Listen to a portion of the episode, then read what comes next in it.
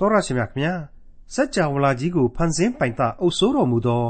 ထာဝရရှင်မြတ်စွာဘုရားသခင်ကိုဘယ်သူမှမျက်စိနဲ့တတ်အသေးချာမမြင်ဘူးကြပါဘူးဒါပေမဲ့လို့ဖန်ဆင်းရှင်ဘုရားရှိတော်မူတယ်ဆိုတဲ့တက်သေးအထောက်အထားတွေဟာဒီသက်ရှိသက်မဲ့လောကကြီးထဲမှာအမြောက်အများရှိနေကြတာကိုတော့မျက်ဝါးထင်ထင်မြင်တွေ့နေကြပါတယ်။ဖျားရှင်ဟာဘယ်လိုအစင်းသဏ္ဍာန်မျိုးရှိတယ်ဆိုတာကိုမျက်ဝါးထင်ထင်မမြင်တွေ့နိုင်ပေမဲ့ ဘယ်လိုပုံသဏ္ဍာန်မျိုးနဲ့တည်ရှိတော်မူတယ်ဆိုတာကိုတော့သိနိုင်ပါတယ်။ဘယ်လိုသိရပါသလဲ။ပထမရာစုတုန်းကအရှိလေပိုင်းဒေသမှာနာဇရက်မြို့သားယေရှုအဖြစ်ပေါ်ထွန်းတော်မူခဲ့သော လူသားတိုင်းရဲ့ကယ်တင်ရှင်သခင်ဖျားယေရှုခရစ်တော်ဟာဖန်ဆင်းရှင်ဖျားရဲ့သားတော်ဖြစ်တော်မူသလိုဖန်ဆင်းရှင်ဘုရားရဲ့ပုံသဏ္ဍာန်တော်ဖြစ်တယ်လို့ဖော်ပြထားတဲ့ခရိယန်သမကျမ်းရဲ့ဓမ္မသစ်ကျမ်းပိုင်းတွေကကိုလောသဲဩဝါဒစာအခန်းကြီး1 အခန်းငယ်15နဲ့အခန်းငယ်16တို့ကိုဒီကနေ့သင်သိရသောသမကျမ်းအစီအစဉ်မှာလေ့လာမှာဖြစ်ပါတယ်။ပထမရာစုတုန်းကမှဒီကဘာပေါ်မှာမွေးဖွားခဲ့တဲ့ယေရှုဟာဘယ်လိုလုပ်ပြီးတော့ဖန်ဆင်းရှင်ဘုရားရဲ့သားတော်ဖြစ်နိုင်မှာလဲ။သမိုင်းဦးရဲ့အထက်မှာရှိနိုင်မှာလဲဆိုတဲ့စဉ်းစားစရာအချက်တွေကိုလေ့လာသုံးသပ်ရှင်းလင်းချက်များနဲ့အတူကောလောသဲဩဝါဒစာအခန်းကြီး1အခန်းငယ်15နဲ့အခန်းငယ်16တို့ကို ဒေါက်တာထွန်းမြတ်အေးကအခုလိုရှင်းလင်းတင်ပြထားပါတယ်။တင်ပြရသောသမကျမ်းရဲ့မိတ်ဆွေတော်တတ်ရှင်အပေါင်းတို့ခမညာဘုရားသခင်ပြုတော်မူသောကျေးဇူးတော်တို့ကိုအခါမလတ်သတိရအောင်မိကြပါပေးထားပြီးသောကောင်းကြီးမင်္ဂလာများကိုမလိုအပ်ဖဲနဲ့တောင်းစုပြုဖို့တည်းခံယူကြပြီးတော့ကျေးဇူးတော်ကိုချီးမွမ်းကြပါဆိုတဲ့သင်ခန်းစာတွေကိုတမန်တော်ကြီးရှင်ပေါလုရဲ့ကောလောသဲဩဝါဒစာများအားဖြင့်ကျွန်တော်ထိတွေ့ခန်းစားရလျက်ရှိနေပါတယ်။ အနှစ်သာရများကိုရယူခန်းစားလျက်ရှိနေကြရပါတယ်။ဟုတ်ပါတယ်။ပြီးခဲ့တဲ့ကောလောသဲဩဝါဒစာအခန်းကြီး1အငယ်6မှ14အတွင်းမှာဆိုရင်လေတမန်တော်ကြီးကအဲ့ဒီလိုလူသားတို့ရယူထားရတဲ့ကျေးဇူးတရားများအတိုင်းတုံ့ပြန်နိုင်ကြပါစေတည်းခံယူနိုင်ကြပါစေတည်းကြင့်ကြံအားထုတ်နိုင်ကြပါစေတည်းဆိုပြီးတော့ကျေးဇူးတော်ကိုချီးမွမ်းရင်းနဲ့ဆုတောင်းပေးခဲ့တာကိုကျွန်တော်တို့အခုလိုကြားနာခဲ့ကြရပါတယ် ထို့ကြောင့်ငါတို့သည်ကြားရသည့်နေ့မှစ၍သင်တို့အဖို့အလို့ငှာအစင်မပြတ်ဆုတောင်းပတနာပြုလျက်နေကြ၏ ဆုတောင်းသောအချက်ဟူမူကားသင်တို့သည် ကောင်းသောအကျင့်အမျိုးမျိုးဒီဟုသောအသီးကိုသိခြင်းဘုရားသခင်ကိုသိသောဉာဏ်တိုးပွားခြင်းရှိသဖြင့်၎င်းဝမ်းမြောက်သောစိတ်နှင့်အရာရာ၌သီးခံခြင်းစိတ်ရှည်ခြင်းအလို့ငှာဘုံကြီးသောတကိုးတော်အတိုင်းခွန်အားနှင့်ပြည့်စုံသဖြင့်၎င်းခမည်းတော်ဖျား၏ကျေးဇူးတော်ကိုချီးမွမ်းလျက်သခင်ဖျားနှင့်ထိုက်လျောက်စွာကျင့်၍အရာရာ၌နှစ်သက်တော်မူစေခြင်းငှာ ပညာအမျိုးမျိုးဓမ္မဉာဏ်အမျိုးမျိုးအားဖြင့်အလိုတော်ကိုအကုန်အစင်နားလေပါမည်အကြောင်းဆုတောင်းပတနာပြု၏အလင်း၌နေသောတန်ရှင်းသူတို့၏အမွေကိုငါတို့သည်ဆက်ဆံဝင်စားတိုက်မည်အကြောင်းကျေးဇူးပြုတော်မူ၏မှောင်မိုက်တကိုးမှလည်းငါတို့ကိုနှုတ်၍ချစ်တော်မူသောသားတော်၏နိုင်ငံတဲသို့သွင်းတော်မူ၏ထိုသားတော်၏အသွေးအားဖြင့်အပြစ်လွတ်တော်မူခြင်းတည်းဟုသောရွေးနှုတ်တော်မူခြင်းကျေးဇူးကိုငါတို့သည် ခံရကြ၏မိတ်ဆွေတော်တတ်ရှင်အပေါင်းတို့ဒီကနေ့သင်ခန်းစာကတော့အသွင်ပြောင်းသွားတဲ့သင်ခန်းစာကိုကျွန်တော်ခံယူရမယ့်အပိုင်းပဲဖြစ်တယ်လို့ကျွန်တော်ကြိုတင်ဖော်ပြထားခြင်းပါတယ်ဟုတ်ပါတယ်သားတော်ဟူသည်ဆိုတဲ့အပိုင်းလို့ကျွန်တော်ဆိုချင်ပါတယ်ကျွန်တော်ကောလောသဲဏီဒန်းမှာကလေးကဖော်ပြပေးခဲ့တဲ့အတိုင်းပဲဒီကျမ်းဟာကေတင်ရှင်သခင်ခရစ်တော်ကိုဗဟုပြုရမယ့်ကျမ်းဖြစ်တယ်ဆိုတာကို ဝီလျံဆန်ဒေးဆိုတဲ့သူတေတီပုဂ္ဂိုလ်ကြီးရဲ့အဆိုအမိန့်နဲ့တွဲပြီးတော့ကျွန်တော်တင်ပြပေးခဲ့ပြီးဖြစ်ပါတယ်အဲ့ဒီမစ္စတာဝီလျံဆန်ဒေးကအေဖက်ဩဝါဒစာသည်အသင်းတော်ကိုဗဟုပြု၍ခရစ်တော်ကိုချီးမွမ်းထောမနာပြုသောကျမ်းအခုကောလောသဲဩဝါဒစာသည်ခရစ်တော်ကိုဗဟုပြု၍အသင်းတော်ကိုသွန်သင်ပေးသောကျမ်းလို့ဆိုခဲ့တဲ့အကြောင်းကိုကျွန်တော်ဖော်ပြပေးခဲ့ပြီးဖြစ်ပါတယ်ကောလောသဲဩဝါဒစာအခန်းကြီး1 အငယ်15ကိုစတင်ကြပါစို့ရဲ့ထိုသားတော်သည်မျက်မြင်မရသောဘုရားသခင်ပုံသဏ္ဍာန်တော်ဖြစ်၏ဝေနေယတတ္တဝအပေါင်းတို့တွင်လေသားဦးဖြစ်တော်မူ၏မြင့်မြင့်မြင့်မြတ်ရှိတယ်နင့်နင့်စူးစူးလဲယင်ထဲမှာခံစားရစီတယ်လို့ကျွန်တော်တွေးမိပါတယ်ထိုသားတော်သည်တဲ့ကျွန်ုပ်တို့ဤမျက်စိဖြင့်မမြင်ရသောအဖဖျားသခင်ပုံသဏ္ဍာန်တော်ကိုဖော်ပြလျက်ရှိပြီးလျင် ဤလောက၌ကျင်လဲကျက်စားရကုန်သော လူတ attva အပေါင်းတို့တွင်လေသားဦးဖြစ်တော်မူ၏တဲ့မိษွေအပေါင်းတို့ခမညာအဲ့ဒီလောက်အထိမြင့်မြင့်မြတ်မြတ်ရှိတဲ့ကြံပိုင်းဟာခရစ်တော်၏ဖျားဇာတိဖြစ်ခြင်းအပေါ်မှာတန်တရားတွေလက်မခံနိုင်မှုတွေအငင်းအခုန်တွေကြားထဲမှာတော့အလွန်ထိရောက်တဲ့ဖော်ပြချက်အဖြစ်ပေါ်ထွက်လာတယ်လို့ကျွန်တော်ဆိုချင်ပါတယ် အဲ့ဒီအငင်းအခုန်တွေတဲမှာကတော့ကောလောသဲဒေသမှာအဲ့ဒီအချိန်ကအတော်ဂျိုမွေးနေခဲ့တဲ့နတ်ကိုးကွယ်သူတွေစီကအများဆုံးကြားရမှာဖြစ်တယ်လို့ Greek ယဉ်ကျေးမှုအတွေ့အခေါ်ဆက်နွယ်နေတဲ့အဲ့ဒီခေတ်အဘိဓမ္မာသမားကြီးတွေပျောက်စီဆရာကြီးတွေကိုအမိသဟဲပြုတဲ့အယူအဆကြီးတွေကျွန်တော်တို့ဖော်ပြခဲ့တဲ့ Gnosticism လို့ခေါ်တဲ့မဟာအသိပညာသို့မဟုတ်အဘိညာဉ်စွန့်ပကားတာအဓိကဆိုတဲ့ခရစ်တော်ကိုမယုံကြည်ပါဘူးဆိုတဲ့ပုံကိုယ်တွေအဖို့ကတော့ ဘယ်နည်းနဲ့မှလက်သင့်မခံနိုင်စရာပဲလို့ကျွန်တော်ဆိုချင်ပါတယ်ဟုတ်ပါတယ်အဲ့ဒီအချိန်ကာလမှာအဲ့ဒီ Gnosticism ဆိုတာဟာယုံကြည်သူတွေကြားထဲကပဲအသားထဲကလောက်ထွက်သောအဖွဲ့ဖြစ်တယ် ခရိယန်အသင်းတော်တွေကနေပြီးတော့မှတော်လှန်ခွဲထွက်သွားကြခြင်းဖြစ်တယ်လို့လည်းဆိုပါတယ်အဲ့ဒီ Gnosticism အပြင် Arianism လို့ခေါ်တဲ့ Egypt နိုင်ငံ Alexandria အရက်ဒေသကအယူအဆတစ်ခုအားဖြင့်လေခရစ်တော်ဆိုတာဟာလူသက်သက်ပါပဲကွာဆိုတဲ့အယူအဆတစ်မျိုးလည်းရှိခဲ့ပါသေးတယ်ဒါတွေကိုခရိယန်အသင်းတော်အပေါင်းတို့ဟာ AD 325ခုနှစ်ကြာတော့မှအတော်ကြီးအားပြော့သွားအောင်ပြန်ပြီးတော့ခြေပနိုင်တယ်လို့ကျွန်တော်တို့သိရပါတယ် မိတ်ဆွေအခုကောလောသဲဩဝါဒစာကတော့ပြက်ပြက်သားသားပဲဖော်ပြပေးလိုက်ပါတယ်ထိုသားတော်သည်မျက်မြင်မရသောဘုရားသခင်၏ပုံတရံတော်ဖြစ်၏ဝေနေယသတ္တဝါအပေါင်းတို့တွင်လေသားဦးဖြစ်တော်မူ၏တဲ့တိပုံတရံတော်သို့မဟုတ်အင်္ဂလိပ်ဝေါ်ဟာရအဖြစ် image ဖြစ်၏တဲ့မိတ်ဆွေမျက်မြင်မရဘူးတနည်းဆိုရရင်သိပ္ပံနိကြဓာတ်ပုံရိုက်ကူးလို့လည်းမရ အမှုပညာနိကြပုံတူကူးယူရန်လည်းမဖြစ်နိုင်တဲ့ဘုရားသခင်ပုံတရံတော်ကိုယေရှုခရစ်အားဖြင့်ဆောင်ယူထားတယ်ဆိုတာဟာဘာကြောင့်ဖြစ်နိုင်သလဲရှင်းနေပါလေယေရှုခရစ်သည်ဘုရားသခင်ကိုယ်တော်တိုင်ဖြစ်နေခြင်းကြောင့်ပါပဲရှင်ယောဟန်ကနေပြီးတော့ဘုရားသခင်ဟာနှုတ်ကပတ်တော်ဖြစ်တယ်နှုတ်ကပတ်တော်ဟာလူစားတိအဖြစ်ခံယူပြီးတော့သားတော်အဖြစ်ဘုန်းတော်ကိုဆောင်ယူလာတယ်ဆိုတာတွေ့ကိုသူ့ရဲ့ခရစ်ဝင်ကျမ်းအစပိုင်းမှာအခုလိုကျွန်တော်တို့ကိုဖော်ပြထားပါတယ် အစအဦး၌နှုတ်ကပတ်တော်ရှိ၏နှုတ်ကပတ်တော်သည်ဘုရားသခင်နှင့်အတူရှိ၏နှုတ်ကပတ်တော်သည်လည်းဘုရားသခင်ဖြစ်တော်မူ၏ထိုနှုတ်ကပတ်တော်သည်အစအဦး၌ဘုရားသခင်နှင့်အတူရှိ၏ထိုနှုတ်ကပတ်တော်သည်ခတ်သိမ်းသောအရာတို့ကိုဖန်ဆင်းတော်မူ၏ဖန်ဆင်းတော်မူခြင်းနှင့်ကင်းလွတ်လျက်ဖြစ်သောအရာတစ်စုံတစ်ခုမျှမရှိထိုနှုတ်ကပတ်တော်၌အသက်ရှိ၏ထိုအသက်သည်လည်းလူတို့၏အလင်းဖြစ်၏ ထိုအလင်းသည်မှောင်မိုက်၌လင်း၍မှောင်မိုက်သည်မခံမယူနှုတ်ကပတ်တော်သည်လည်းလူစားတိအဖြစ်ကိုခံယူ၍ကျေးဇူးတော်နှင့်၎င်းသစ္စာတော်နှင့်၎င်းပြည့်စုံလျက်ငါတို့တွင်တည်နေတော်မူသည်ဖြစ်၍ခမည်းတော်၌တပါးရီသောသားတော်ဤဘုံကဲ့သို့သူဤဘုံတော်ကိုငါတို့သည်မြင်ရကြပြီ ဖျားသခင်ကိုအဘယ်သူမျှမမြင်စဖူးတော်လေခမည်းတော်ဤရင်ခွင်၌ရှိသောတပါးရီသောသားတော်သည်ဖျားသခင်ကိုထင်ရှားစေတော်မူပြီတဲ့မိတ်ဆွေအစအဦးဆိုတဲ့ဝေါ်ဟာရဟာအလွန်ရှည်ကြာတဲ့ကာလပဲမတွက်ဆနိုင်တဲ့ကာလလူသားအုံနှောက်နဲ့ဘယ်လို့မှမမီနိုင်တဲ့ကာလကြီးကိုဖော်ပြလိုက်ခြင်းဖြစ်ပါတယ်အနန္တကာလလို့ကျွန်တော်ဆိုချင်ပါတယ်ကဘာဦးဖန်ဆင်းခြင်းကာလလောက်ကိုမှ အနေအချင်းကလေးဆိုသလိုတွေးယူလို့ရေးတေးတေးကလေးတွေးဆနိုင်ပါသေးတယ်ဘာဖြစ်လဲဆိုတော့အဲ့ထက်မှာကောင်းကင်နှင့်မြေကြီးကိုဖန်ဆင်းတဲ့အချိန်ဆိုတဲ့စကားရကလေးသုံးပြီးထားတော့ကျွန်တော်တို့ရေးတေးတေးလေးရော်ရမ်းမှန်းဆလို့ရနိုင်သေးတယ်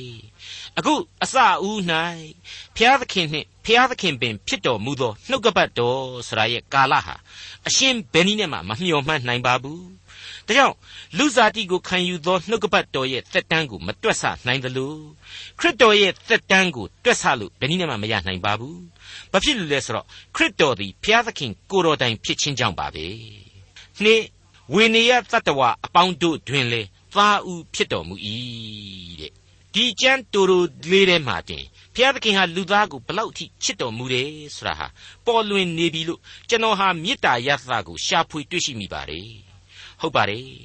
လူတ attva တို့တွင်သားဦးတဲ့တနည်းအားဖြင့်လူသားကိုဘုရားသခင်ဟာသားသမီးများလို့သဘောထားတယ်ဆိုတာရှင်းမနေဘူးလားဓမ္မသမိုင်းဦးကလေးကကျွန်တော်တို့လူသားကြီးတွေအဆက်ဆက်ဟာအဖဖရားအဖဖရားလို့ခေါ်ခေါ်နေတာတွေဟာခရတာတာလျှောက်ခေါ်တာမဟုတ်ပါဘူးညွတုတုနဲ့ပျော့ပြဲပြဲကြီးတွေလျှောက်ပြီးတော့လုပ်နေတာလည်းမဟုတ်ခဲ့ကြပါဘူးအတိတ်ပဲရှိပါတယ်အဖခမည်းတော်အဖြစ်အဖဖျားသခင်ကိုကျွန်တော်လူသားဟာ ခံယူခဲ့ကြရတယ်ကျေးဇူးဂရုနာတော်ကိုလူသားရဲ့မသိစိတ်ထဲမှာခံစားရတယ်ဘုံတကောအာနုဘော်တော်ဟာဘလောက်ပြင်းထန်နေဆိုတာကိုလူလောကသားတို့ဟာသိနာလေခဲ့ကြတယ်ဒါကြောင့်မလို့ဖျားဆိုပြီးတော့ဒီအတိုင်းဒုံးတီကြီးမခေါ်ဘူး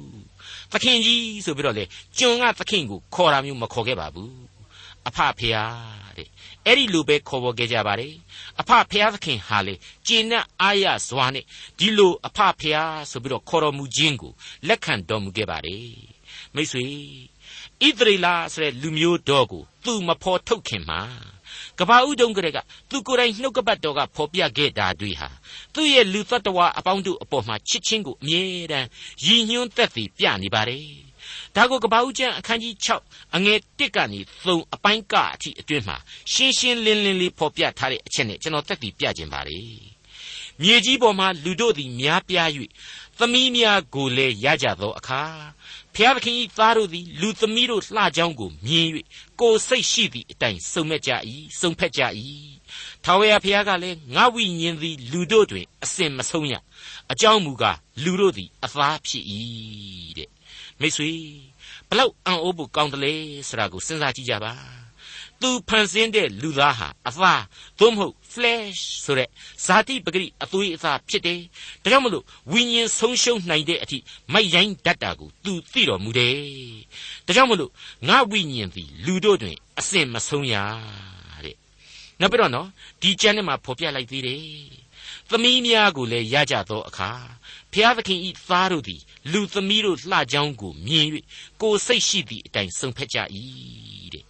ဘုရားသခင်ဤသားလို့ဖော်ပြထားတယ်နော်ဒါဟာအရေးကြီးတဲ့အချက်ပဲဘုရားသခင်ဟာလူသားကိုသားသမီးများလို့ချစ်တယ်လူသားဟာလည်းမသိစိတ်ချက်မှာဘုရားသခင်ရဲ့ဘုန်းတော်နဲ့ဖန်ဆင်းတော်မူခြင်းကျေးဇူးကိုခံယူထားကြတယ်ဒါကြောင့်မလို့အဖဖျားဆိုပြီးတော့ခေါ်ပေါ်ခြင်းပဲဒါပေမဲ့မိတ်ဆွေ ဆက်ပြီးတော့ဖော်ပြထားတာရှိတယ်နော်ငါဝိညာဉ်သည်လူတို့တွင်အစင်မဆုံးရအကြောင်းမူကားလူတို့သည်အသားဖြစ်၏တဲ့ကျွန်တော်စောစောကဖော်ပြခဲ့တဲ့အတိုင်းပဲလူသားဟာစာရမဏတ်ကိုမိုက်ဖက်ပါပြီးတော့ပေါင်းတတ်တယ်စာရမဏတ်ကိုအလျှော့ပေးပြီးပေါင်းတတ်တယ်အာနေပြော့ညံ့တတ်တယ်လူတို့သည်အသားဖြစ်၏ဆိုပြီးတော့ဘုရားသခင်ဖော်ပြထားတယ်မဟုတ်ဘူးလား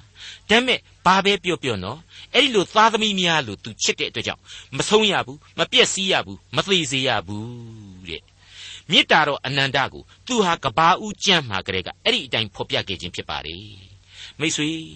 အဲ့ဒီမေတ္တာတော်အနန္တကပေါက်ဖွာလာတဲ့ဂရိသစ္စာပရိညင်တရားကြောင့်လေအခုကျွန်တော်တို့သင်သိရသောတမန်ကျမ်းကဖော်ပြနေရတဲ့အသက်လန်းခရီးဆိုတာဟာနှုတ်ကပတ်တော်အရာထင်ရှားပြတ်သားစွာတည်ရှိနေရခြင်းပါပဲ ဒီအပိုင်းမှာထိုသားတော်သို့မဟုတ်ကယ်တင်ရှင်ဟာသားဦးဖြစ်တယ်တနည်းအားဖြင့်သတ္တလောကမတိုင်မီကလေးကတည်ရှိခဲ့တယ်ဆိုတာကိုမကြိုက်တဲ့ကပ်ဖိုးကပ်ဖဲ့သမားတွေကလည်းအတော်များပါတယ်ခရစ်တော်ဆရာဟာလွန်ခဲ့တဲ့နှစ်2000ကမှပေါ်လာပြီးတော့အသက်33နှစ်ပဲလူလောကမှာရှင်သန်သွားခဲ့တာပဲကွာဘယ်လိုလုပ်ပြီးတော့ဝေနေယသတ္တဝါအပေါင်းသို့မဟုတ်သမိုင်းဦးရဲ့အထက်ကဖြစ်နိုင်မှာလေဆိုတဲ့သင်္ချာနီးကြအတွေ့အခေါ်ကြီးတွေနဲ့ပေါ့ အဲ့ဒါဟာသမာကျမ်းစာကိုအသေးအချာမလေ့လာပဲနဲ့ရမ်းပြီးတော့ကနန်းတွက်ကြတဲ့သဘောပါပဲမိခာအနာဂတိကျမ်းအခန်းကြီး9အငယ်1ကိုကြည်ပါ။အိုးဘက်လင်အေဖရမြို့အစိုးရသောယူဒမြို့တို့တွင်သင်သည်မြို့ငယ်မြို့ယုတ်ဖြစ်တော်လေဣသရေလအမျိုးကိုအုပ်စိုးရသောသခင်သည်ငါအဖို့သင်၏အထဲ၌ပေါ်ထွန်းလက်တန့်ထိုသခင်သည်ရှေးကပ်ကဘာမှစ၍ပေါ်ထွန်းသောသခင်ဖြစ်၏တဲ့ရှင်းမနေဘူးလား ရှေးကပ်ကဘာမှစ၍ပေါ်ထွန်းသောသခင်တဲ့အစအဦးဆိုတဲ့အနန္တကာလကလေးကတည်ခဲ့တဲ့သခင်ပဲဟုတ်ပါတယ်မိတ်ဆွေခရစ်မတ်အစရဲ့ညာဥချက်မှဖြစ်ပေါ်လာတဲ့သခင်မဟုတ်ပါဘူးရှေးကပ်ကဘာအဆက်ဆက်မှစ၍ပေါ်ထွန်းသောသခင်ဖြစ်ပါ၏တဲ့အဲ့ဒီလိုအဖြေကိုပေးနေပါတယ်အဲ့ဒီလောက်ထိရှင်းနေပြီမှုဆက်ပြီးတော့တောင်ပြောเสียလို့တော့မထင်ပါဘူး အဲ့ဒီလိုပါပဲဟေရှာယအနာဂတိကျမ်းအခန်းကြီး9အငယ်6မှာလေခရစ်တော်ပေါ်ထွန်းခြင်းအတွက်အမှန်ခရစ်တော်မပေါ်မီနှစ်ပေါင်း900လောက်ကလေးကအခုလိုကြီးညာချက်ကြီးနဲ့အခိုင်အခန့်ဖော်ပြထားခဲ့ပေးပါသေးတယ်အကြောင်းမူကားငါတို့အဖို့သူငယ်ကိုဖွားမြင်၏ငါတို့အားသားကိုတနာတော်မူ၏တဲ့ဒါခရစ်တော်မဖွားမြင်ခင်လူစားတိကိုမခံယူခင်နှစ်ပေါင်း600နဲ့900ခန့်အချိန်ကဖော်ပြခဲ့တဲ့ဗျာဒိတ် ဒါပေမဲ့ future tense လို့ခေါ်တဲ့အနာဂတ်မှာဖြစ်မယ်ဆိုတာမျိုးအရှင်းမသုံးဘူးလူသားတို့အဖို့သူငယ်ကိုဖွားမြင်ထားတယ်သနာချင်းဂယုဏနဲ့ဒီသားတော်ကိုလူသားတွေကိုပေးတယ်ဆိုတော့ရှင်းလင်းပြတ်သားစွာနဲ့သားအရာအနေနဲ့ဖော်ပြထားပါတယ်ပြီးတော့မှထိုသူသည်အုပ်ဆိုးခြင်းအာနာစေရှိလိမ့်မည်တဲ့ဘလောက်သစ္စာဒိဋ္ဌံကြနာနေပါသလဲမိတ်ဆွေစဉ်းစားကြည့်ပါ ခရစ်တော်မပေါ်ထွန်းမီအထိဘုရားသခင်ဟာကိုတော်တိုင်တရားစီရင်တယ်ပြည့်ညတ်တော်ကာလအဖြစ်ပြည့်ညတ်တော်များကိုသတ်မှတ်ထားခဲ့တယ်ခရစ်တော်ကိုလူလောကကိုဆေလွတ်ပြီးတဲ့နောက်ပိုင်းမှာတော့ခရစ်တော်ကိုယုံကြည်ခြင်းအားဖြင့်သာလျှင်တရားစီရင်မယ်ခရစ်တော်၏ယေရှုဂရုနာတော်ကာလအဖြစ်ကဘာဆုံးတိုင်အောင်ခေတ်သစ်ကိုဖန်တီးသွားလိမ့်မယ်ဆိုတာကိုအခိုင်အမာဖော်ပြပေးလိုက်ပါတယ်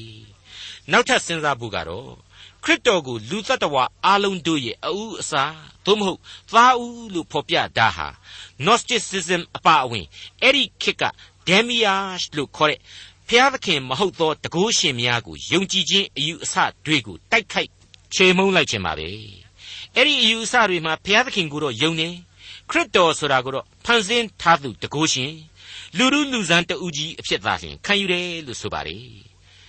ဘုရားသခင်ဟာတကိုးရှင်တွေကိုတဆင်ပြီးတဆင်ဖန်ဆင်းသွားပြီးပေးလိုက်တာနောက်ဆုံးကျတော့အဲ့ဒီတကိုးရှင်တွေကနေပြီးတော့ကဘာကိုတိဆောက်သွားကြတယ်ဆိုတဲ့အတွေ့မျိုးတွေဟာအဲ့ဒီအချိန်မှာပြန့်နှံ့နေတယ်လို့ဆိုပါတယ်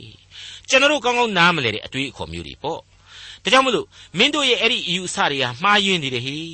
ကပ္ပသမိုင်းမတီးရှိမိကလေးကသားဦးဖြစ်တဲ့သခင်ဟာငါတို့ရဲ့ဓမ္မသစ်ကာလမှာလူဇာတိကိုပြန်လဲခံယူဒါသာလျှင်ဖြစ်တယ်လူဇာတိကိုပြန်လဲခံယူဒါသာလျှင်ဖြစ်တယ်ဆိုတာကိုရည်ညွှန်းဖော်ပြတယ်လို့ကျွန်တော်တို့တွေးနိုင်ပါတယ်ဘယ်လိုပဲဖြစ်ဖြစ်ပါမိတ်ဆွေကယ်တင်ရှင်သခင်ခရစ်တော်ကိုအဦးသီးသောအသီးအနှံ အဦးသီးသောသားစသဖြင့်လေဓမ္မသမိုင်းကြံပေါင်းများစွာမှာတင်စားဖော်ပြပေးခဲ့ပြီးဖြစ်ပါတယ်ဒါဟာဘာမှအငင်းပွားစရာအကြောင်းမရှိတဲ့အချက်အဖြစ်ကျွန်တော်လက်ခံလိုက်ရုံပဲလို့ကျွန်တော်ဒီနေရာမှာတင်ပြခြင်းပါတယ်မကြခင်ဖော်ပြလာမယ့်ဒီကောလောသဲဩဝါဒစာအခန်းကြီး1အငယ်16မှာကြတော့သေသောသူတို့တွင်သားဦးဖြစ်တော်မူ၏ဆိုပြီးတော့ဖော်ပြဓာတွေကိုလေကျွန်တော်ဆက်ပြီးကြားနာကြအောင်မှာပါဟုတ်ပါတယ် အဲ့ဒီလိုသားဦးဖြစ်ခြင်းနဲ့သေသူတို့ရဲ့ဝိညာဉ်များကိုအုပ်ဆိုးခြင်းစီရင်ခြင်းအကြောင်းတွေကိုဆာလံတီချင်းအမှတ်စဉ်နှစ်မှာအငယ်9ကနေ12အတွင်ပြန်ကြည့်မယ်ဆိုရင်ဖျားသခင်ရဲ့နှုတ်ကပတ်တော်ဟာအခုလိုဗျာဒိတ်တော်တည်စေခဲ့တာကိုကျွန်တော်တို့တွေ့နိုင်ပါလိမ့်မယ်ဗျာဒိတ်တော်အချက်ကိုငါပြန်ကြားပေအံ့ထာဝရဘုရားကသင်သည်ငါသားဖြစ်၏ယနေ့ပင်သင်ကိုငါဖြစ်ပွားစေပြီငါကိုတောင်းတော့ လူအမျိုးမျိုးတို့ကိုသင်အမွေဥစ္စာဖို့ငါပေးမည်မြေကြီးစွန်းတိုင်အောင်ပိုင်တိုက်သောအခွင့်ကိုလည်းငါပေးမည်သင်သည်သူတို့ကိုတန်လှန်တန်နှင့်အုပ်ဆိုး၍မြေအိုးကိုခွဲဖြက်တကဲ့သို့ခွဲဖြက်လိမ့်မည်ဟုငါအားမိန်တော်မူပြီတို့ဖြစ်၍ရှင်ဘရင်တို့ပညာသတိရှိကြလော့လောကီမင်းတို့ဆုံးမခြင်းကိုခံကြလော့ကြောက်ရွံ့သောစိတ်နှင့်ထာဝရဘုရား၏အမှုတော်ကိုထမ်းရွက်၍တုန်လှုပ်ခြင်းနှင့်ဝမ်းမြောက်ကြလော့သားတော်ကိုနမ်းကြလော့ သို့မဟုတ်လျှင်အမျက်တော်ထွက်၍သင်တို့သည်လမ်း၌ပျက်စီးခြင်းသို့ရောက်ကြလိမ့်မည်အမျက်တော်သည်ချက်ချင်းထွက်လိမ့်မည်သားတော်ကိုကိုးစားသောသူအပေါင်းတို့သည် မင်္ဂလာရှိကြ၏တဲ့မိတ်ဆွေအပေါင်းတို့ခဗျာအဲ့ဒီလိုအထက်ကဗျာဒိတ်တော်များရဲ့ပြည့်စုံခြင်းအကြောင်းကိုတမန်တော်ဝတ္ထုထဲမှာတမန်တော်ကြီးရှင်ပေါလုဖော်ပြခဲ့တဲ့အချက်တွေရှိပါတယ်ဟေပြဲဩဝါဒစာအားဖြင့်ဟေပြဲဆရာဖော်ပြခဲ့တဲ့အချက်တွေဟာလည်းရှိနေပါတယ် 89ခုမြောက်သောဆာလံအငယ်28မှာဆိုရင်လေအကယ်စင်စစ်သူ့ကိုသားဦးအရာ၌ခံထား၍လောကီရှင်ဘရင်တို့အပေါ်မှာချီးမြှောက်မည်ငါ၏ဂယုနာကိုသူ့အဖို့ငါသည်အစဉ်ဆောင်၍ငါ၏ဗြိညင်တရားသည်သူ၌မြဲမြံလိမ့်မည်ဆိုတာကိုလေဒါဝိဒ်မင်းကြီးအားဖြင့်ဖျားသခင်ဟာဗျာဒိတ်ပြုထားတာကိုဆက်လက်တွေ့နိုင်ပါသေးတယ်ဒါကြောင့်မလို့ကယ်တင်ရှင်သခင်ခရစ်တော်ဟာလူစားတိကိုခံယူထားတဲ့ဘုရားသခင်သားတော်အဖြစ် ကျွန်တော်တို့ကိုကယ်တင်ခြင်းကျေးဇူးပြုနိုင်တော်မူသူမျက်မြင်မရသောဘုရားသခင်ပုံတရံတော်ကိုဖော်ပြ၍ဝေနေယတတ္တဝအပေါင်းတို့တွင်လေသားဦးဖြစ်တော်မူကြောင်းကိုပြတ်သားရှင်းလင်းစွာတက်သိပြနေပြီလို့ကျွန်တော်ဆိုချင်ပါတယ်။သုံးအချက်ဖြစ်တဲ့ခရစ်တော်သည်ခတ်သိမ်းသောအရာတို့ကိုဖန်ဆင်းသောအရှင်ဖြစ်ကြောင်းကိုတော့အခုကောလောသဲဩဝါဒစာအခန်းကြီး1အငယ်16ဟာဆက်လက်ဖော်ပြသွားအောင်မှာပါ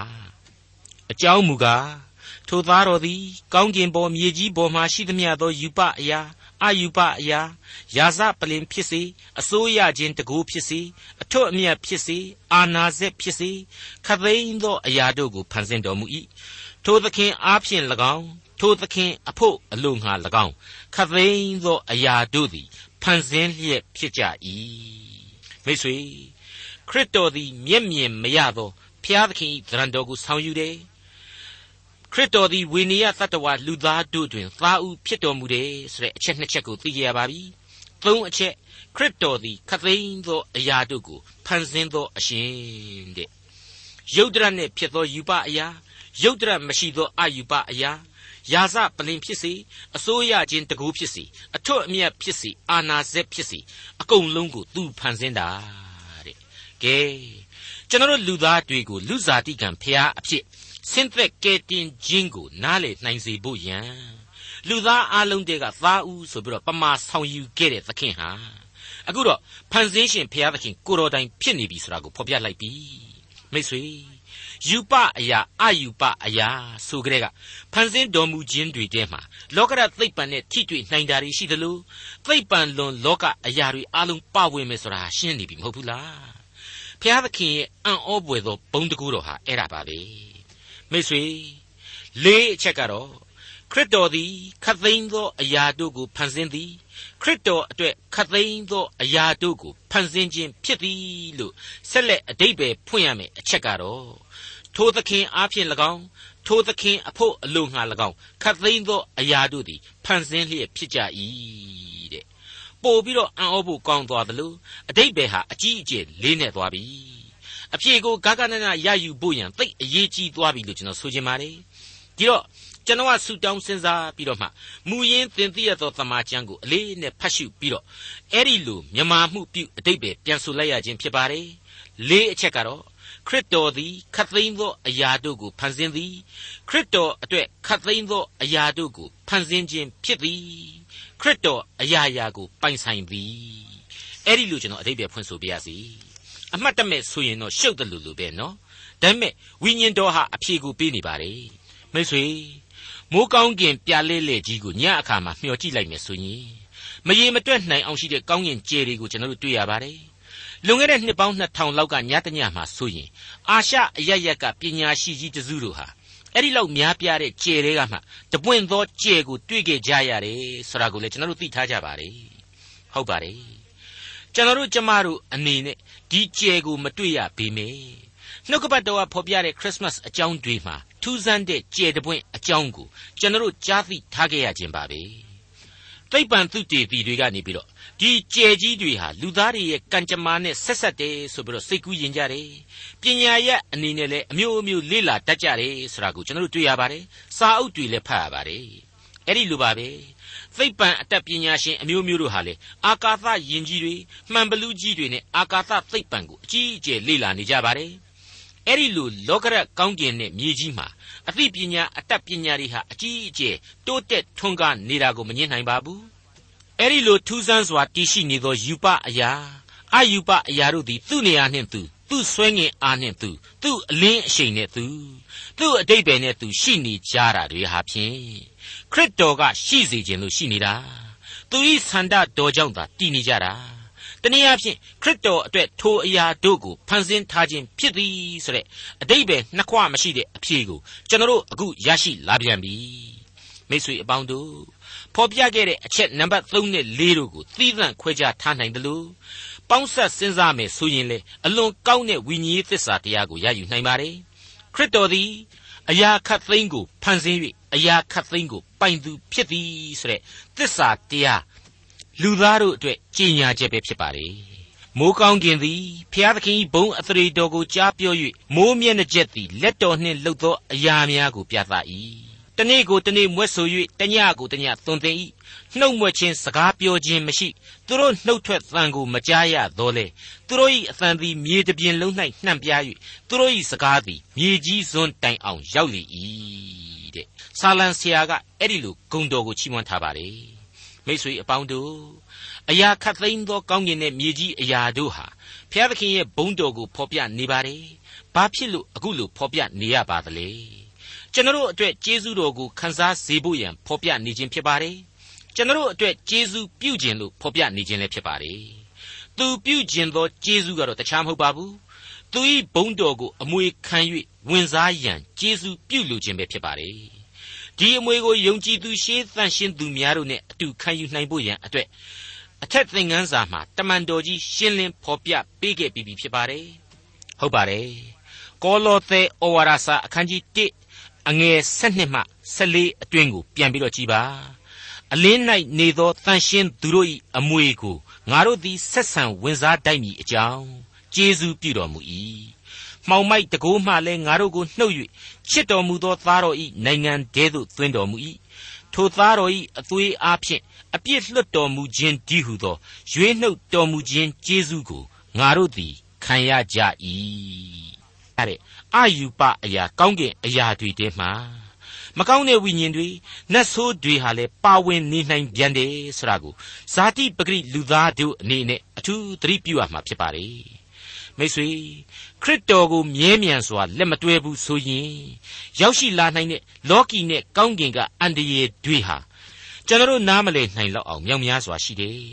လူသားတွေဟာခရစ်တော်မပါဝင်ဘူးဆိုရင်ဒီဝေဒနာတွေဒီအခက်အခဲတွေဒီအာယူပအရာတွေရဲ့တိုက်ခိုက်မှုကိုခံရနိုင်တယ်ဆိုတာကိုအေဖက်ဩဝါဒစာဟာလေအခုလိုဖော်ပြထားခဲ့ပါသေးတယ်အေဖက်ဩဝါဒစာအခန်းကြီး6အငယ်30မှ73အတွင်းကိုကျွန်တော်ပြန်လည်ဖတ်ပြပါရစေကျွင်းသေးသောစကားဟုမူကားညီအကိုတို့သခင်ဖျားအားဖြင့်၎င်းတကိုးတော်အရှိန်အားဖြင့်၎င်းခိုင်ခံ့ခြင်းရှိကြလော့ မာနဤပရိယေတို့ကိုစီတာနိုင်မည်အကြောင်းဘုရားသခင်ပြင်ဆင်တော်မူသောလက်နှင့်ဆောင်ကိုဝတ်ဆောင်ကြလော့အကြောင်းမူကားငါတို့သည်အသွေးသားရှိသောရန်သူတို့နှင့်ဆိုင်ပြိုင်တိုက်လှန်ရကြသည်မဟုတ်အထွတ်အမြတ်တို့နှင့်၎င်းအာနာဇက်တို့နှင့်၎င်းလောကီမှောင်မိုက်၌အစိုးတရားပြုလုပ်သောမင်းတို့နှင့်၎င်းမိုးကောင်းကင်၌နေသောနတ်ဆိုးတို့နှင့်၎င်းဆိုင်ပြိုင်တိုက်လှန်ရကြ၏ဒေါက်တာထွန်းမြတ်ရေးစီစဉ်တင်ဆက်တဲ့တင်ပြတော်တမချန်းအစီအစဉ်ဖြစ်ပါတယ်။ နောက်တစ်ချိန်အစီအစဉ်မှာခရိယန်တမချန်းရဲ့ဓမ္မသစ်ကျမ်းပိုင်းတွေကကောလောသဲဩဝါဒစာအခန်းကြီး1အခန်းငယ်16ကနေအခန်းငယ်20အထိကိုလေ့လာမှာဖြစ်တဲ့အတွက်စောင့်မျှော်နားဆင်နိုင်ပါတယ်။